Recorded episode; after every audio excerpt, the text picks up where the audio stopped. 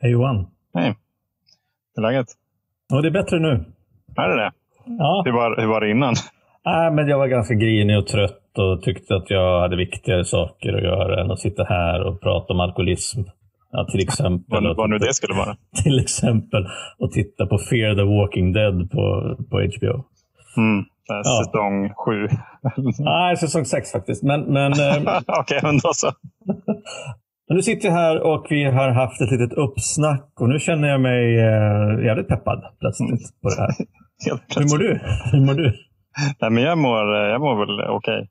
Jag har eh, åkt på någon form av eh, feber tror jag som eh, Elma har släpat hem från eh, förskolan. Mm. Vilket ju också föranledde att det här är tredje gången gilt som vi får till det här samtalet. Ja. Med, med den här personen för att vi var tvungna att ställa in det igår. Eh, men jag är glad att vi sitter här nu i alla fall och får välkomna Anna-Lena in i samtalet. Välkommen Anna-Lena. Tack så hemskt mycket. Det känns spännande det här för ni är ju lite min hemmagrupp som stöd kan jag säga. Sen jag blev nykter har jag lyssnat på er. Och eh, jag heter då Anna-Lena, är 46 år och eh, tillfrisknande alkoholist har varit nykter i ett år och två månader. Jag såg att jag hade dragit till med en extra månad där till er. Det var inte riktigt meningen. Ja, jag är tacksam för att ni finns och eh, att det finns hjälp att få. Du kan väl berätta för lyssnarna liksom lite grann så vem du är, förutom att du är tillfrisknande alkoholist? Absolut. Jag eh, föddes i en förort till Stockholm Eh, Eh, är uppväxt med en eh, mamma, pappa och en stora syster. Min pappa var alkoholist. Mina föräldrar separerade när jag var typ 15. Jag kände mig väldigt vilsen och ensam. Och eh, kände att det var någonting som fattades jämt. Jag var eh, väldigt rastlös. Och eh, när jag provade att dricka alkohol första gången så hittade jag ju det där som jag alltid hade saknat. Jag eh, insåg ju tidigt att eh, jag hade ju hittat någonting mer än vad mina vänner hade gjort i det där. Jag var ju den som såg till att det blev fester, att det fanns alkohol. och Jag eh, kände tidigt i min nykterhet att det var typ viktigt för mig att min pojkvän som jag har förstod varför jag inte kunde dricka. Men saken är den att jag insåg efter ett tag att jag har ju aldrig förstått varför man bara tar ett glas vin.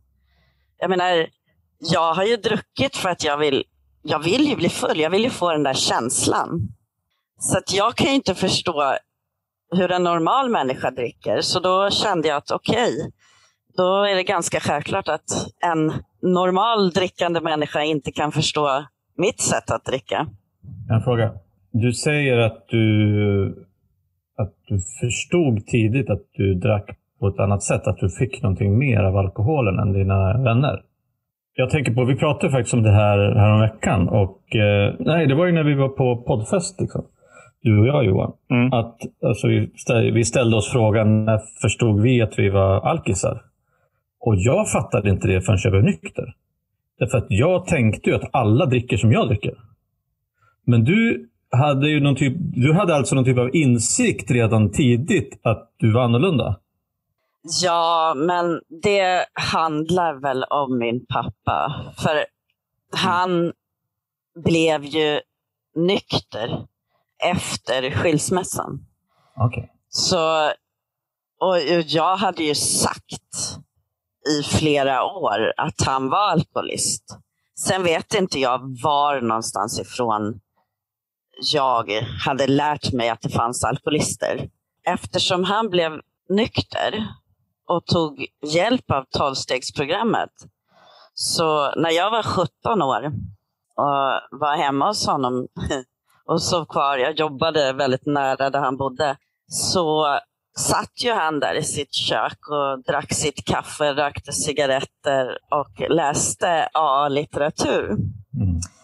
Så att jag har ju liksom vetat om det här. Och eh, jag har ju bara förnekat det. eller jag är lite nyfiken på, på hur du resonerade för dig själv då i, tidigt då när du hade en pappa som hade blivit nykter med hjälp av tolvstegsprogrammet och du själv kände att du hade en, en kanske en liknande reaktion som han hade för alkohol. Tänkte du, accepterade du att du var annorlunda? Eller Nej, försökte... nej, du, det- du, du säger att du förnekar det. Ja, nej men alltså. Jag såg ju till att umgås med folk som också tyckte om att festa. Så att eh, jag var ju inte ensam om att alltid bli full. Jag menar, jag sökte mig ju till folk som var liknande. Sen så blev ju jag gravid när jag var 18 år. Och eh, då slutade jag ju dricka. Jag drack ju inte när jag visste om att jag var gravid och inte under tiden jag ammade eller så. Och försökte ju liksom att skaffa en sån här kärnfamilj då, som jag inte själv hade längre då, för mitt barn. Men eh, det gick inte så bra. Men jag drack inte mycket under hennes uppväxt. Utan då var det ju det där med när, när det var helger. Och jag såg ju gärna till att kanske ordna lite middagar eller kanske umgås med någon granne eller något som tyckte om att dricka vin som man liksom hade nära hem och kunde ha med sig barnet. Men sen var ju min dotter hos sin biologiska pappa också varannan helg under sin uppväxt. Så då blev det ju kanske lite mer. Hur tänkte du på drickandet då, under den tiden? Under den tiden? Nej, alltså det var ju bara en normal del av livet. För mig var det ju också ett sätt att... Alltså jag har ju aldrig tagit ansvar för mina egna känslor. Utan de har jag ju druckit på. Mm. Och sen är det ju det att jag har ju inte, jag har inte vetat bättre. För på det sättet som jag är uppväxt så var det ju... Alltså alkoholen var ju där. Jag, jag kan känna igen det där för att vi fick ju barn när jag var 25 och 27.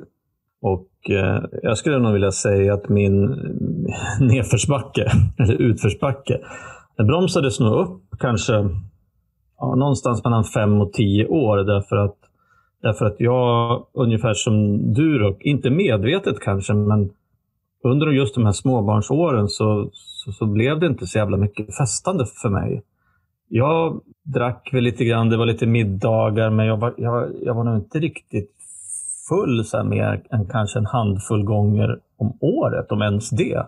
Jag minns att alltså fortfarande då när vi var, jag och min exfru, när vi var någonstans mellan 25 och 30, då var det, då var det fortfarande coolt att gå på de här, gå ut på juldagen hemma i Västerås där vi växte upp då, eller bodde. Och eh, ja, men gå ut med alla som kom tillbaks liksom så där på, från studier och jobb i andra städer och länder. Och jag minns att ja, men jag klarade ju inte av att dricka då när barnen var små. Jag somnade så klockan nio på herrtoaletten. Och sen var det liksom bara, ja, men Roger, nu är det dags att åka hem nu. Mm, ja, det är det nog. Liksom. Helt värdelöst. Ja, och, och det var... Alltså jag hade ganska dålig form när det gäller att dricka mycket då. För jag drack så sällan. Och likadant, jag var på någon, någon sån här firmaresa också när barnen var... Ja, de kan ha varit runt så här fyra, sex och fyra eller sju och fem eller något sånt där. Någon jävla Finlandsfärja. Somnade också liksom så här. Mm. På en jävla bänk liksom i, mitt i den här gången på någon Silja Line-båt. Liksom satt där och sov. För att jag, jag hade liksom inget, hade inget, inget, inget soppa i tanken helt enkelt. Alltså det, det, det låter ju för sig som en lågoddsare om du släpper lös en, där en småbarnsfarsa på en firmafest. Jo, Ja, och för sig. nej. Men, men jag menar... De Alltså, var inte jag. Jag höll gärna igång. Alltså Ja. jag, när jag väl hade börjat så, så fanns det ju helst inget stopp. Nej. Jag var ju den som gick och la mig sist. Liksom. Men för jag och hennes far separerade ju när hon bara var någon, några veckor. Så jag var väl singel i kanske något år och sen blev jag tillsammans med en kille som jag var tillsammans med i 18 år. Så min dotter var eh, hon skulle fylla 19-20 någonting där, när vi separerade. Och det var ju då det började. För jag hade ju haft, jag var ju tvungen att separera från min dotter också. Hon fick flytta hem till sin biologiska pappa. Jag hade ju aldrig varit ensam. För jag hade ju flyttat hemifrån när jag var 18 och gravid. Jag hade ju haft henne hos mig alltid. Jag hade ju alltid haft någon annan att ta hand om. Så jag hade ju liksom inte, jag hade ingen aning om hur jag skulle ta hand om mig själv. Så först så flyttade jag hem till min mamma för att det är inte så lätt att få boende i Stockholm. Men sen köpte jag en lägenhet i Nynäshamn. Eh, för det var där jag hade råd. En liten etta och där stod jag och jag hade ingen aning om hur jag skulle ta hand om mig själv. Och jag var ensam, jag kände ingen där. Alltså jag hade ju jättestark ångest, jag mådde ju jättedåligt när det här hände. Så för att liksom somna på kvällen så blev det ett glas rödvin. Och sen, ja, man måste ju trappa upp liksom. Och sen blev det det där, jaha, hur ska jag lära känna folk då? Så man går ju på krogen. Men vad, vad träffar man för folk på krogen i min ålder? Jag, menar, jag, jag var ju inte tonåring längre, även om jag kände mig sån. För det var ju första gången i hela mitt liv som jag var ensam och bara hade mig själv att ta hand om. Så att eh, det var ju där det började gå utför. Och eh, jag eh, började ifrågasätta mitt liv. Liksom. Vad höll jag på med? Jag jobbade heltid på ett jobb som jag inte trivdes med. Och jag hade ju gjort det där i så många år för att ta hand om min familj som jag helt plötsligt inte hade längre. Så då bestämde jag mig för att jag skulle börja plugga. 2016 då började jag plugga till resekonsult. Alltså jag var väl lite sådär att jag tog någon vit målad och det, ja. Och sen så tyckte jag väl liksom, men jag är inte alkoholist, jag dricker ju bara på helgen. Och, ja, jag kanske dricker innan jag går och lägger mig, men jag menar vadå? Jag kan ju spara, jag behöver ju inte dricka upp det jag hemma. Och, ja, men alla de här. Sen så fick jag liksom, kände jag bara att nej men gud för fan, det är skitsvårt att plugga när man typ är full eller bakfull hela tiden. Det går inte att få in någonting i skallen. Jag har ju aldrig gått någon utredning, men jag är jag vet att det, det ligger diagnoser i min familj. Min dotter har en diagnos och så vidare. Så det har väl varit lite självmedicinering också. Då kände jag så här, nej nu får det fan vara nog. Jag kan inte hålla på med det här. Det, det går inte att hålla på att dricka på det här sättet. Så, och eftersom jag då känner till A så gick jag på möte där i Nynäshamn. Då. Och eh, jag gick på ett halvår och gjorde service, jag kokade kaffe, höll i något möte. Och, och sen efter ett halvår så då hade det ju gått ganska bra i skolan faktiskt. I ett halvår. Och då kände jag ju så här, men för fan, jag är ju vuxen. Jag är ju, vad var jag, 43 eller något. Jag kan väl bestämma själv om jag kan dricka vin. Mm. Så då satt jag då med några tjejkompisar. Jag, jag umgicks hela tiden med samma människor, även fast jag var nykter så var vi ute och jag var med dem och festade. Och det var ganska kul att se hur jävla tråkiga de faktiskt var när de hade druckit. så nej, så en, en eftermiddag där så satt, satt vi och de hade någon dunk vin där och jag bara, nej för fan, jag är vuxen nog, ge mig. Sen jävlar gick det ut för. Jag åkte till Bryssel i tre månader på praktik. Där blev jag med telefon och dator och hej kom och hjälp mig. Sen kom jag hem, pluggade klart, fick praktik på Malta. Var där i tre, fyra månader.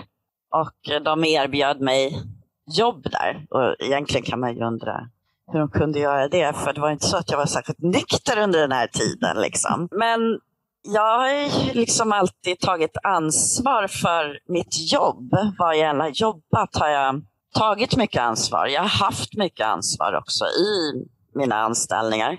Men jag har ju kommit full till jobbet några gånger. Jag har aldrig fått sparken, men det har ju varit nära.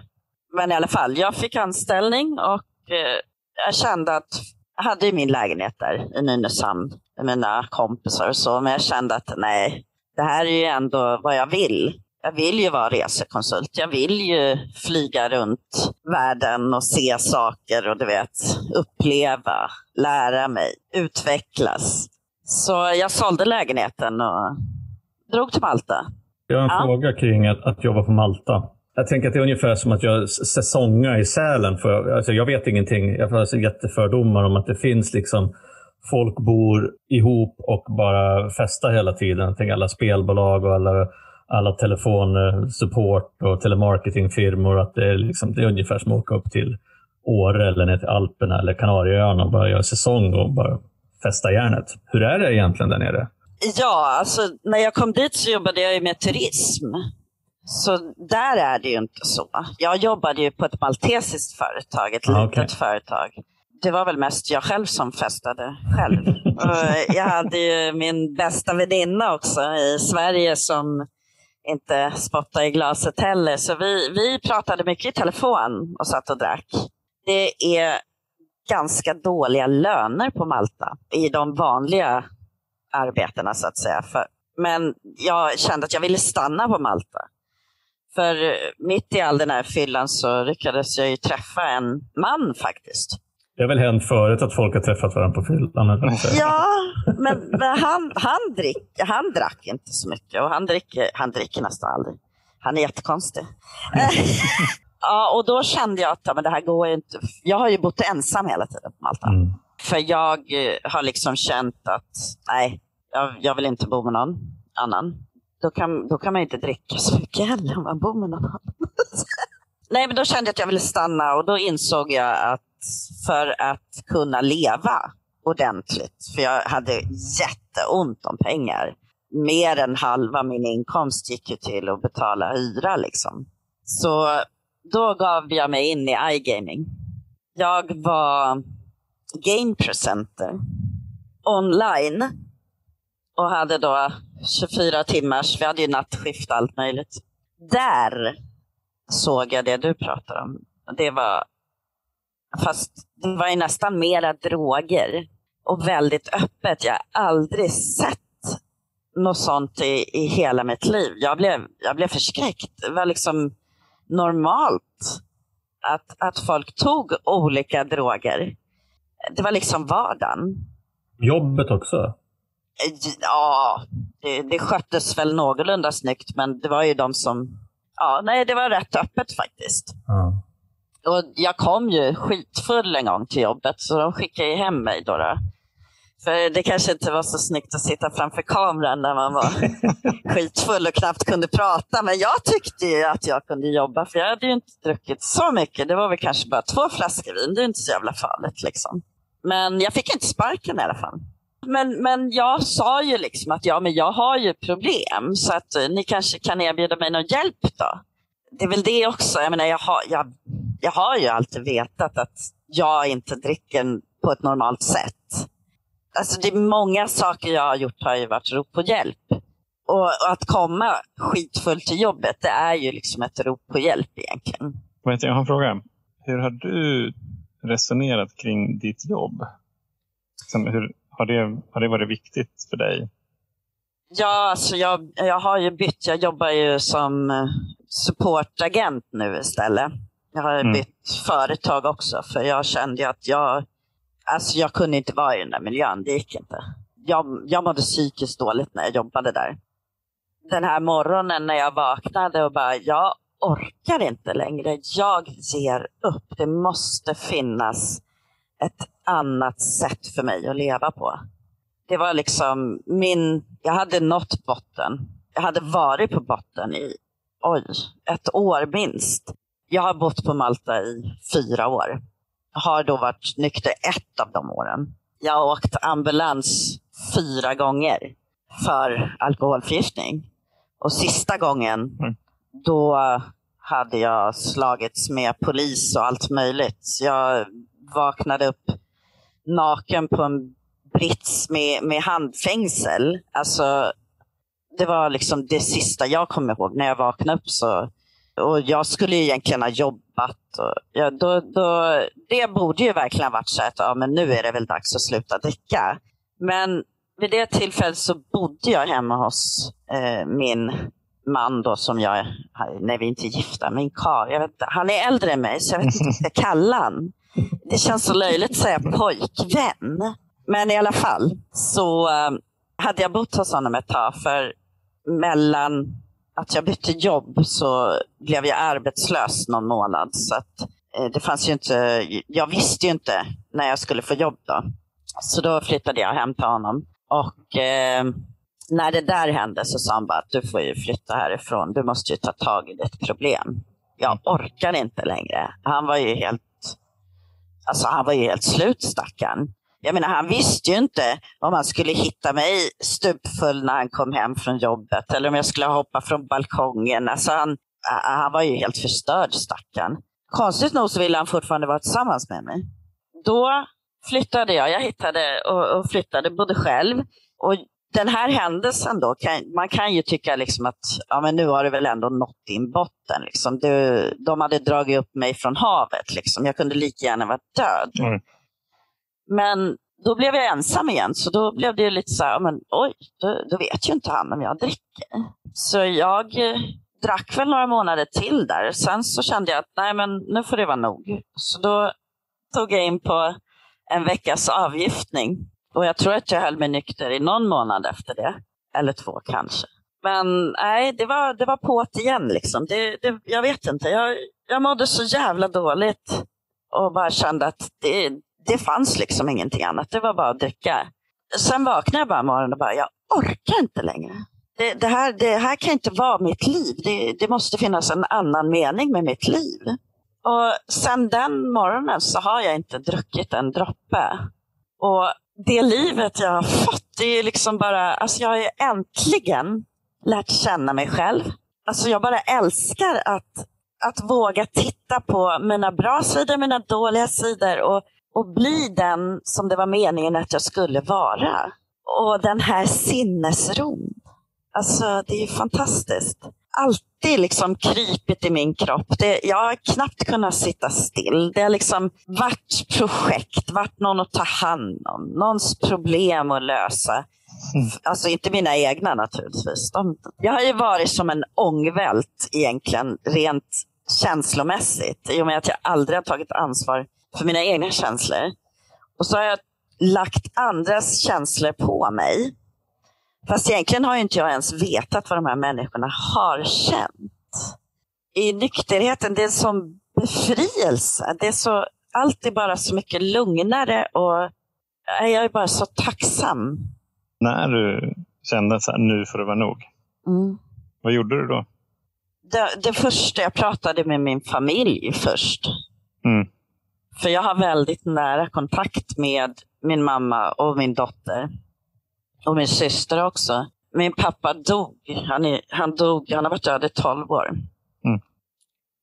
Det tycker jag, det, det, har varit jobbigt faktiskt. För att jag har känt att det hade varit så fantastiskt att sitta och ha sådana här samtal med honom.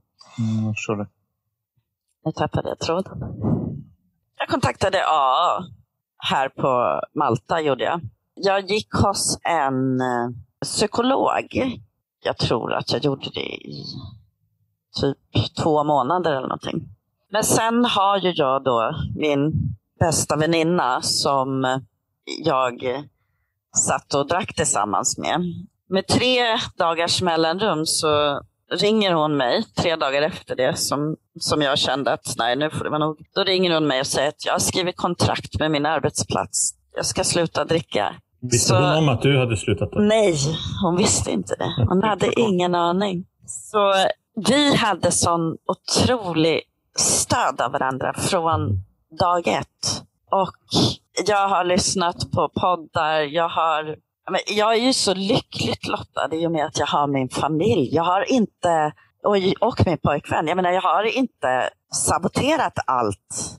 Jag har kvar människor som älskar mig och som finns där för mig. Jag menar, jag hade ju redan kört avgiftning. Jag hade, alltså, jag ha, hade ju frågat om hjälp flera gånger redan. Så det här var ju mer att jag själv kom till insikt att det inte, alltså mitt liv fungerade inte. Det är så svårt att sätta fingret på vad är det som gör att just den morgonen var annorlunda jämfört med hundra andra månader där det också var så här, nu får du nog, kan du, kan du ändå försöka? Det, jag kan bara säga att det var ett andligt uppvaknande. Mm. För att egentligen var det ju ingen skillnad. Jag menar, jag har väl vaknat bakfull som ett ägg tusen miljoner gånger. Och tänkt tanken, jag ska aldrig mer dricka. Och det, mm. det sa man ju redan när man var där 16 år liksom, och mådde pyton. Jag ska aldrig mer dricka. Så satt man några timmar senare och drack igen. Så jag kan bara säga att det var, det var ett andligt uppvaknande. Det var, jag bara kände i hela kroppen att det finns ett annat liv för mig att leva. Hade du någon aning om hur det livet skulle se ut då när du slutade? Jag tänkte, skulle du, trodde du också att du skulle sitta i köket, röka cigaretter och läsa Stora boken? Nej, gud vad trodde jag? Alltså, ja, men då får det ju bli jävligt tråkigt. ja, vi har, alla varit där. vi har alla varit där någon gång. Ja, för jag menar, man, man har ju haft jävligt roligt med alkoholen också. Mm. Sen har den ju orsakat en massa, alltså jag vet inte hur många mobiler och jag har blivit av med dator. Jag har taxi, snabbmat. Alltså det har ju kostat massa pengar. Jag kommer att tänka på två saker. Den ena är när jag jobbade i Danmark. Danmark får väl vara Skandinaviens Malta. Jag vet inte liksom hur jag ska koppla ihop det. Ja, i alla fall. Nej, men där, jag jobbade där i typ ett och ett halvt år och under första halvåret så söp jag bort min mobil sju gånger tror jag. Alltså det var så, här, det var så löjligt ofta. Alltså så här, gång fyra, fem, sex, sju. Så det bara, ja. kom dit på måndagen och bara, ja. Äntligen. Tänkte aldrig på att, uh, att jag inte skulle festa. Nej, men jag har ju ramlat och slagit ansiktet och fått sy till och med i ansiktet. Mm. Men det, shit happens. Ja, exakt. var liksom det man tänkte, jaha, ja, men nu har jag liksom ett problem som jag får lösa här. Och mm. Nu har jag tappat den här mobilen igen. Jaha, nu har jag kraschat den. Och det hörde ju till. Alltså, det var ju typ, alltså, första gången det hände, då var det väl typ så här, fan, det här var jobbigt och det här kommer kosta pengar och ångest. Och, men menar, efter tionde gången, då bara, jaha, shit happens, nu igen. Mm. Liksom. Och det var ju nästan så att jag och min bästa vän där nästan garva åt det till slut. Det var, så här, det var nästan så här, vadå har du mobilen helt fortfarande? Är det sant? Liksom? Alltså, det, det, är så mycket sjuka saker egentligen som, som har hänt som var så jävla normala då, när det hände. Jaha, vakna på morgonen, blod i hela sängen och bara, vad fan har hänt? Gå och titta sig i spegeln och bara, men shit vadå, är det där jag? Jag ser ingenting på ena ögat. Och bara, okej, okay, jag måste nog gå och sy liksom inte någon tanke om att ja men du, herregud, det här har hänt för att du har varit ute och druckit liksom och ramlat runt och du har inte ens någon aning om vilken, om du har träffat någon, om det är någon som har sett dig. Har du ens kommit in genom dörren själv? Alltså ändå bara, nej, vi, vi tar och går och köper vin när vi ändå håller på och syr oss här. Systemet ligger ju en bit härifrån. Ja, men det, det var ju så det var. Det är så intressant det där, för att jag har faktiskt suttit och rannsakat mig själv lite här men jag har faktiskt aldrig sagt, tror jag inte, att jag ska aldrig mer dricka. Alltså så utifrån så här, vakna upp och vara bakis och vara så här, det här vill jag aldrig uppleva igen. Jag har aldrig liksom tänkt att, att det skulle vara bye bye alkohol. Nej, jag men alltså liksom jag, jag tänkte att, det väl aldrig, men man sa det. Ja, men jag, det, jag menar, det har inte jag tänkt förrän nu.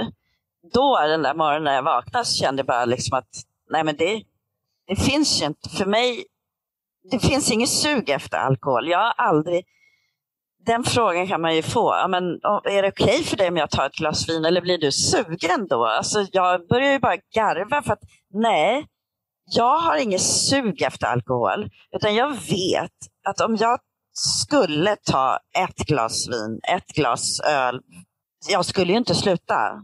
Och om jag skulle dricka nu så skulle jag ju dricka tills jag dog. För mm.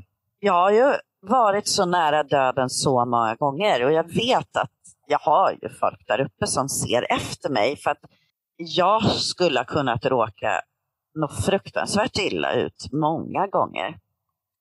Jag har en fråga. Eh, du pratar, ju, du pratar väldigt mycket och väldigt fint om din familj. Ja. Och sen så pratar du också om de här stunderna, eller perioderna i livet då du var ensam och tyckte att du var vuxen nog att bestämma själv hur du ville dricka. Hur, hur förhöll du dig till din familj som du då hade på distans?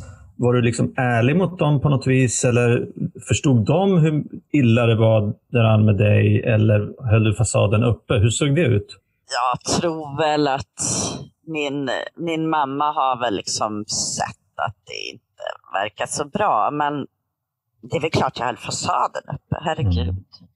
Det, det, är ju det, alltså det är väl det jag har gjort hela livet. Hållit fasaden uppe och sett till att saker och ting runt mig fungerar. Jag har skött mina jobb, jag har skött min dotter. Det har ju varit någonstans, jag har ju försökt att passa in hela tiden. Mm. Jag har en svårare fråga. När du, när du var ensam, till exempel här senast, inte allra senast, men när du flyttade ner till, till Malta, eller Nynäshamn och Malta och familjen inte var närvarande. Mm. Tyckte du att det var orättvist att du var själv och att det var jobbigt att du var isolerad? Eller kände du en lättnad över att de inte var där så du kunde dricka som du ville? Eh, jag får väl nästan säga att det är en mix, men framförallt det sista du sa. Ja. Det är det som jag tycker är så jävla läskigt. För jag hade en liknande period. Var, vi separerade och jag flyttade hemifrån i några månader innan då eh, jag blev nykter. Och eh, ja, men Det var ganska dåligt mellan mig och min exfru och även mellan mig och mina barn. Men jag, jag eh, lovade att jag alltså ringde hem till dem och sa godnatt till dem varje kväll. Och började ringa så här vanligt vid tio. Och sen efter jag hade ringt till dem och sagt godnatt, då gick jag på daggenboxen. Sen blev det ju liksom kvart i tio, halv tio, mm. kvart över nio, klockan nio. Det så ja. tidigare och tidigare. Och tyckte ju liksom att jag kände mig... Jag tyckte så jävla synd om mig själv. Att jag, att jag hade satt mig själv i den här situationen, vilket jag inte riktigt upplevde det som då. Att, att jag inte hade någon bra relation med liksom, mitt ex och mina barn. Så jag tyckte så synd om mig själv och samtidigt så ville jag ju liksom inte att de skulle fatta att jag fortfarande drack lika mycket som jag gjorde när jag bodde hemma. Jag, jag håller med om det här med mixen. Att dels så tyckte jag lite synd om mig själv, men sen så var det så jävla skönt när jag hade lagt på luren då. Ja. Ja, det är bara... hemskt. Det är så sant. Jag var så noga med att prata, för, för min dotter är ju ändå, hon är ju vuxen. Jag menar, hon är ju hon fyller 27 i år. Mm. Eh, så det här, hon var ju liksom myndig då, när jag började dricka så här mycket. Och jag såg ju alltid till att jag pratade med henne innan jag hade druckit. Eller eventuellt kanske liksom var på första glaset. Och jag fick ju panikångest när jag satt med mina kompisar och drack och såg att hon ringde. För jag ville ju prata med henne, men jag kunde ju inte. För alltså hon, nej. Ja, det är ja, klart. Det är, jävla, det är, så jävla läskigt den där, mm. alltså, den där bubblan som jag var i och som det låter att du var i också. När, när, när man liksom börjar ljuga och manipulera för att med de människorna som står en närmast. Ja. Och som älskar en mest och som man älskar mest själv. Liksom. Man börjar det här liksom att äh, men, jag vill vara med dem, men samtidigt så är det jävligt skönt att jag inte får träffa dem idag och kan prata med dem, för då kan jag dricka istället. Liksom. Ja. Och den här alltså, konflikten, för mig var den, liksom, framförallt med, med, barnen, liksom, för mig var det jävligt jobbig. Ja. Men det var alltid liksom alkoholen som vann. Ja. Ja, ja. Det är läskigt alltså, när man tänker på det, för att det är först som nykter som man kan börja se på riktigt hur man faktiskt tänkte och agerade min dotter, hon dricker ju inte alkohol. Hon, hon tycker inte om det. Så hon, hon har ju liksom testat någon gång och det var inget för henne, så hon dricker inte alkohol. Och vi har ju varit på resor tillsammans. Så hon kom ju till Bryssel bland annat när jag var där. Och hon har varit på Malta en gång. Och, jag menar, hon dricker inte. Men jag har ju druckit ändå.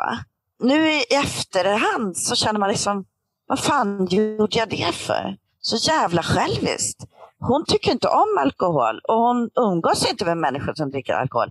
Men hon ska behöva sitta och titta på när hennes mamma dricker alkohol. Varför då? Alltså det, det var ju bara själviskt. Mm. Nej, alltså jag, jag fick ju eh, innan, innan jag slutade dricka liksom här, att mina barn tyckte att liksom måste dricka så mycket. Och mitt motargument var ju så här, men jag är ju snäll.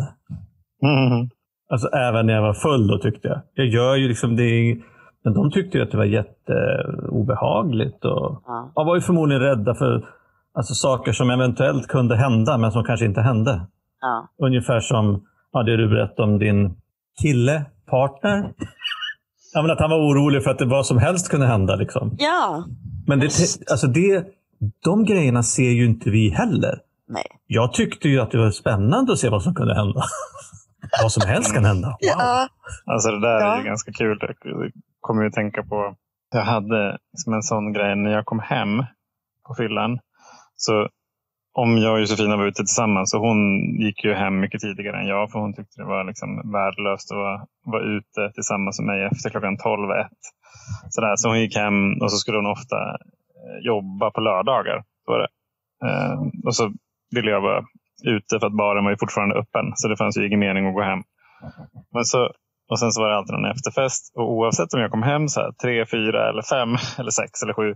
Så varje gång så väckte jag Josefina och sa Älskling, du behöver inte vara orolig nu mer. Nu är jag hemma. I, I mer eller mindre liksom, sammanhängande meningar. Hon blev alltid lika förbannad. Hon bara, men alltså jag sover. Jag skiter väl fullständigt i liksom vad du... Jag bara, ja, alltså, nej, det är inte så att jag ligger vaken. liksom varit orolig. Det brukar alltid komma hem. Så att, och, och jag tror att det var så här månaden innan jag, innan jag faktiskt blev nykter där i november. Så kom jag hem och så, och så hade jag fått för mig att ja, men Josefina hon är nog hemma och är hungrig. För klockan var ju ändå typ två, halv tre, tre. Så jag köpte fyra grillade korv med bröd med så här jättemycket räksallad och rostad lök på. och så här, ja, alltså det är svårt att bära fyra korv med bröd med så mycket toppings på. Ju. Och samtidigt så här, få upp porten och så här, få upp dörren och grejer. Eh, och vara skitfull såklart samtidigt. Så att det var ju som ett, ett spår liksom av, av rostad lök och räksallad. Och så kom jag så här in i lägenheten. Jag är jättestolt för jag får med mig alla fyra korvarna in i alla fall. Och tänkte så här, nu blir hon ju glad i alla fall. För nu har hon så här legat orolig i sängen och är jättehungrig. då, då väcker jag henne och säger så här, älskling, du behöver inte vara orolig nu är Jag är hemma nu och jag har en present. är, du, är du helt dum i huvudet? Tänk att bli väckt så här klockan tre av någon som bara vill fida dig korv med bröd med räksallad och rostad lök. Ja, men det är så, alltså det är helt otroligt de här tankarna man har. Alltså Ja. hade.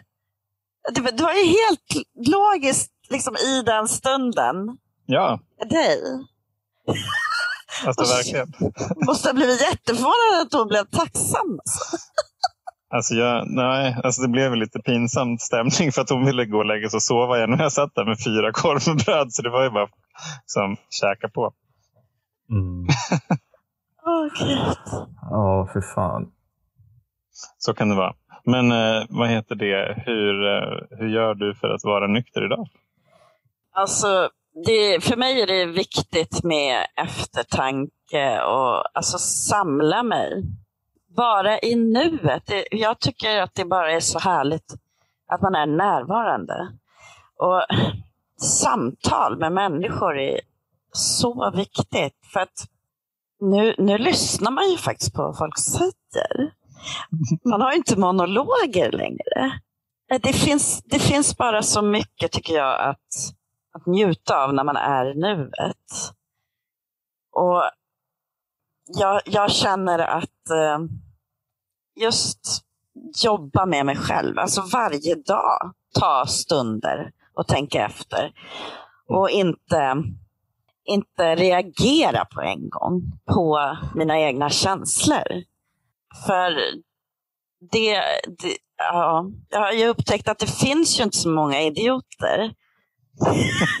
Världen var ju liksom full av idioter förut och det, det finns ju faktiskt inte så många idioter. Vart Det finns ju går? jät, jättemånga fantastiska människor om man bara låter, låter dem få prata lite också. Mm. Mm.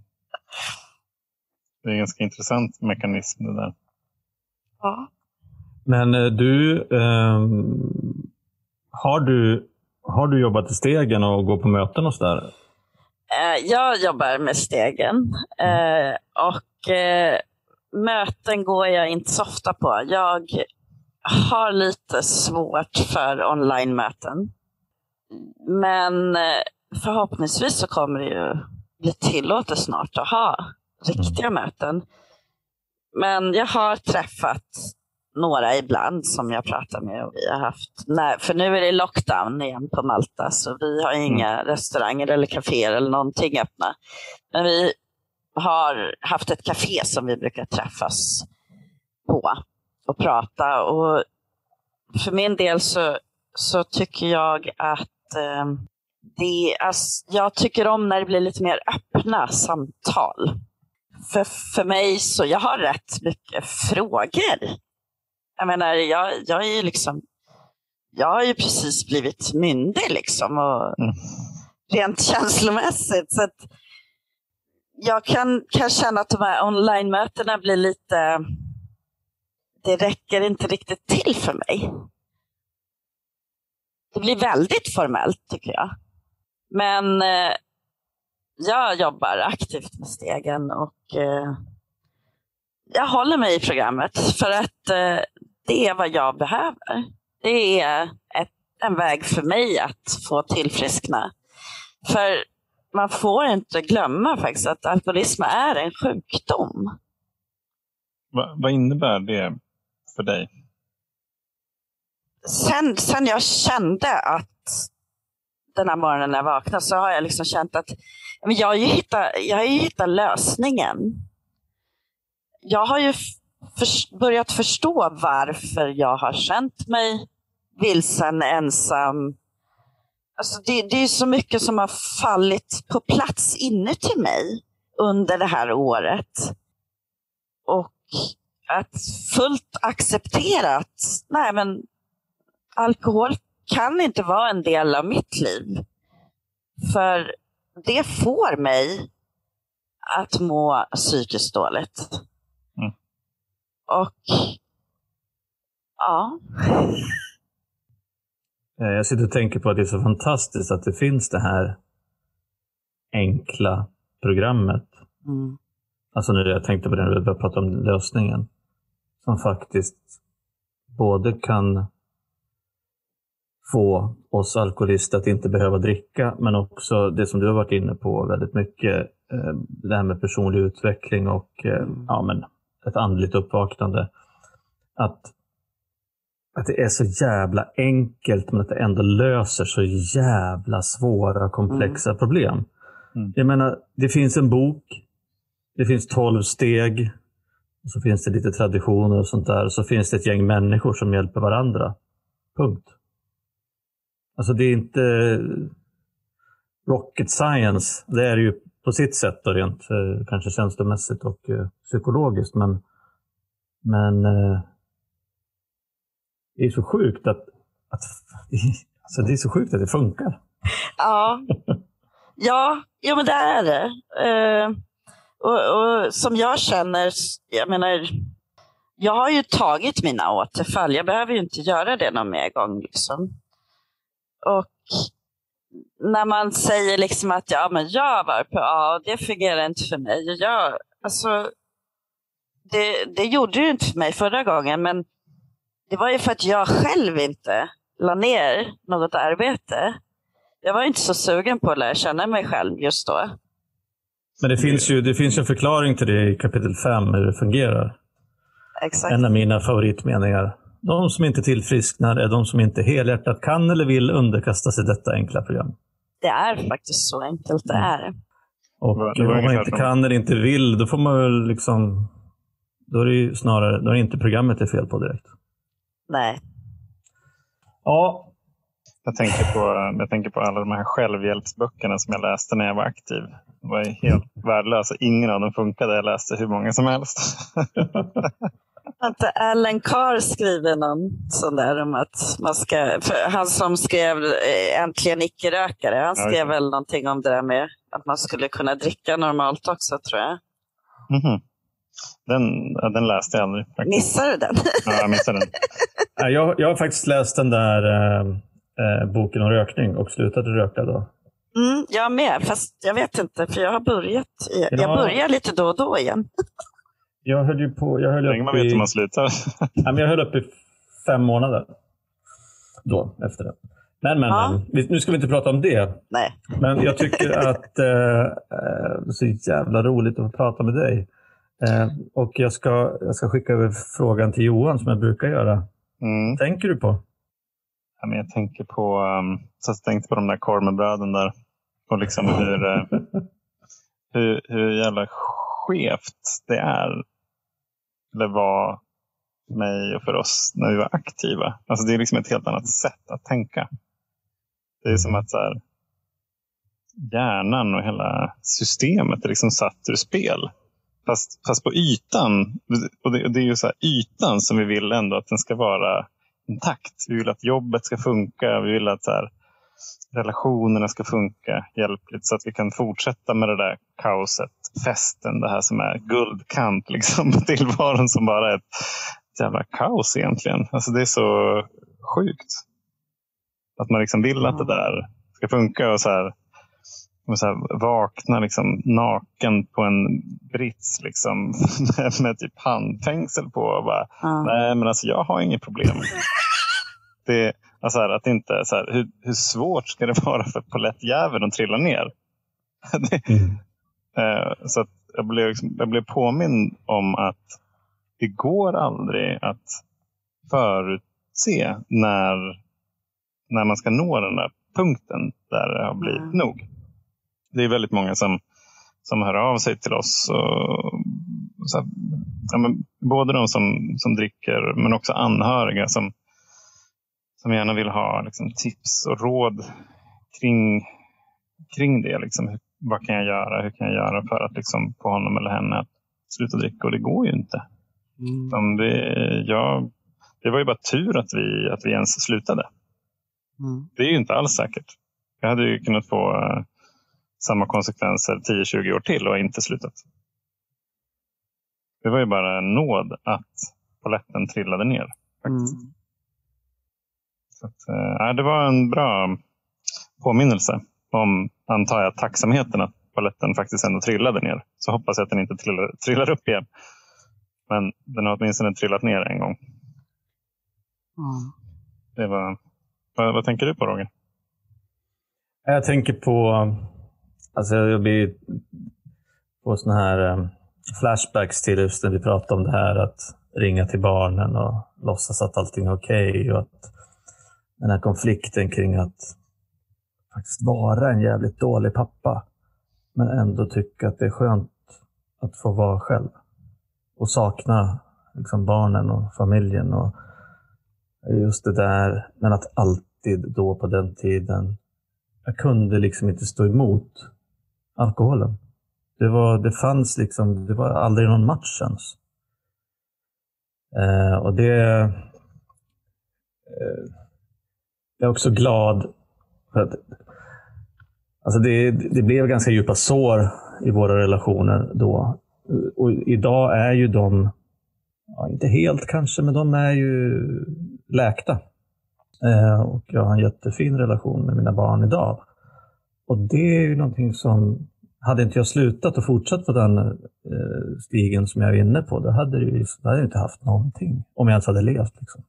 Mm. Så att eh, det, det tänker jag på ganska mycket. Och sen så tänker jag på den, alltså din berättelse om alla de här bottnarna som, som du beskriver. Och du har säkert många fler som du inte har pratat om i det, i det här samtalet. Och just det där att helvete. Alltså vilket jävla liv du ha, hade och vi har haft liksom när vi var där. Och kämpa med att alltså antingen bara skratta bort det och tänka att det inte var någonting eller bara tycka att jag vill inte jag vill inte ha något annat liv än det här. Mm. Och det, det skrämmer mig.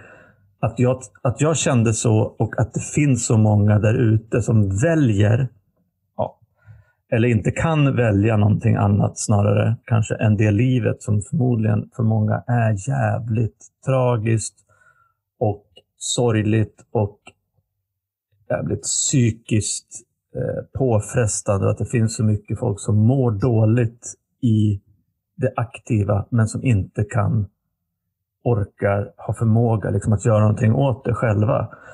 Utan att det verkar som, alltså alla gäster som vi har haft, att någonstans antingen så får man så stora konsekvenser så att man, man kan bli tvingad till att bli nykter också och sen inse men att man känner att nej, men det håller inte längre. Eller som, som i ditt fall, liksom att nej, men nu orkar jag inte. Och det verkar vara så jävla slumpmässigt. Mm. Alltså antingen händer det eller så händer det inte. Och då super man ihjäl sig eller bara blir liksom en spillra av sig själv. Och när det händer, det, vet, det kan vi inte heller svara på. För det kan vara en morgon som där gårdagskvällen eller natten inte alls var den mest dramatiska och konsekvenserna inte alls var så jättestora. Men just att det ständigt ökande trycket av det här livet som man har plötsligt blir för mycket. Mm. Och äh, jag känner också, precis som du var inne på Johan, just det här att jag är jävla tacksam för att jag hittade det där. Att jag hittade hit, liksom. Att jag kom ut på andra sidan. Så att det är väl lite de där grejerna jag tänker på. Anna-Lena, vad tänker du på? Ja, men jag, jag känner just det där med att alltså, man, man ljuger ju så mycket för sig själv också under tiden man är aktiv. Jag, menar, jag bodde ensam, men jag drack vin ur kaffekopp. Fall om någon skulle komma förbi så skulle de i alla fall inte se att jag hade en massa vinglas stående i disken. Mm. Eh, man vet ju att man gör fel. Och Man vet att man borde handla annorlunda, men man kan inte. Och eh, att det finns hjälp och att livet faktiskt inte alls blir dugg tråkigt när man inte dricker. För man kommer dessutom ihåg allting och man får behålla sina egna prylar också. Så ja, det, det är väl där jag känner också just det här med att det är en sjukdom. För att det är ju inte friska tankar man har när man är aktiv alkoholist. Mm. Och det, det som du säger nu, det är också en viktig grej att skicka vidare till anhöriga till exempel. Att mm. Det är svårt att resonera med en, en sjuk människa som inte kanske ens vet om att hon eller han är sjuk, utan har massa, som du säger, sjuka tankar och, ja. och ett skevt logiskt tänkande på hur, hur man försöker hantera sitt liv. Ja. Det... Så att, eh, det är svårt att nå fram. Ja, och det är därför vi behöver prata om det. Med, jag menar, det, det är ju bara en missbrukare som kan förstå en annan missbrukare faktiskt. Det är så faktiskt. Mm. Hur känns det nu då efter det här snacket? Var det, Nej, som, men... du hade, var det som du hade tänkt dig? Ja, jag vet inte. Det känns som jag har svamlat en massa. Jag eh, är så tacksam för att ni ville ha med mig. Och eh, jag vill ju att, jag vill ju spara er här i min dator och mm. ha er här varje dag och prata med er. Underbart. Jag är så tacksam och fantastiskt arbete ni gör. Otroligt. Ni ska vara stolta över er själva. Tack, det värmer verkligen. Och jag hoppas ju att jag når ut till någon där ute och jag, jag finns ju också. Mm.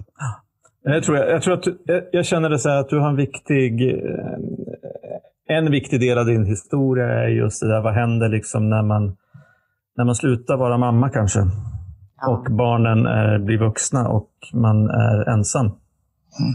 Det, det kan nog finnas en hel del människor där ute, både kanske mammor och pappor som mm. inte har det så jävla lätt att hantera det livet. Mm.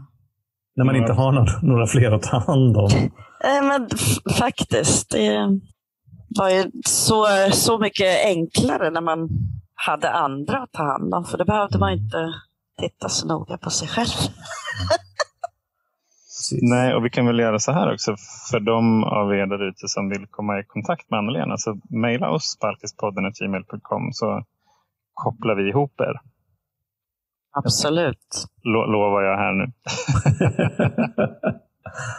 ja, ja, men Anna-Lena vill ju föra budskapet vidare, eller hur? Ja, exakt. Absolut. Ja. Nej, men underbart. Stort tack för att du ville vara med och kul att vi fick till det då, här ja. tredje gången gilt. exakt. Tack så hemskt mycket. Ja, tack.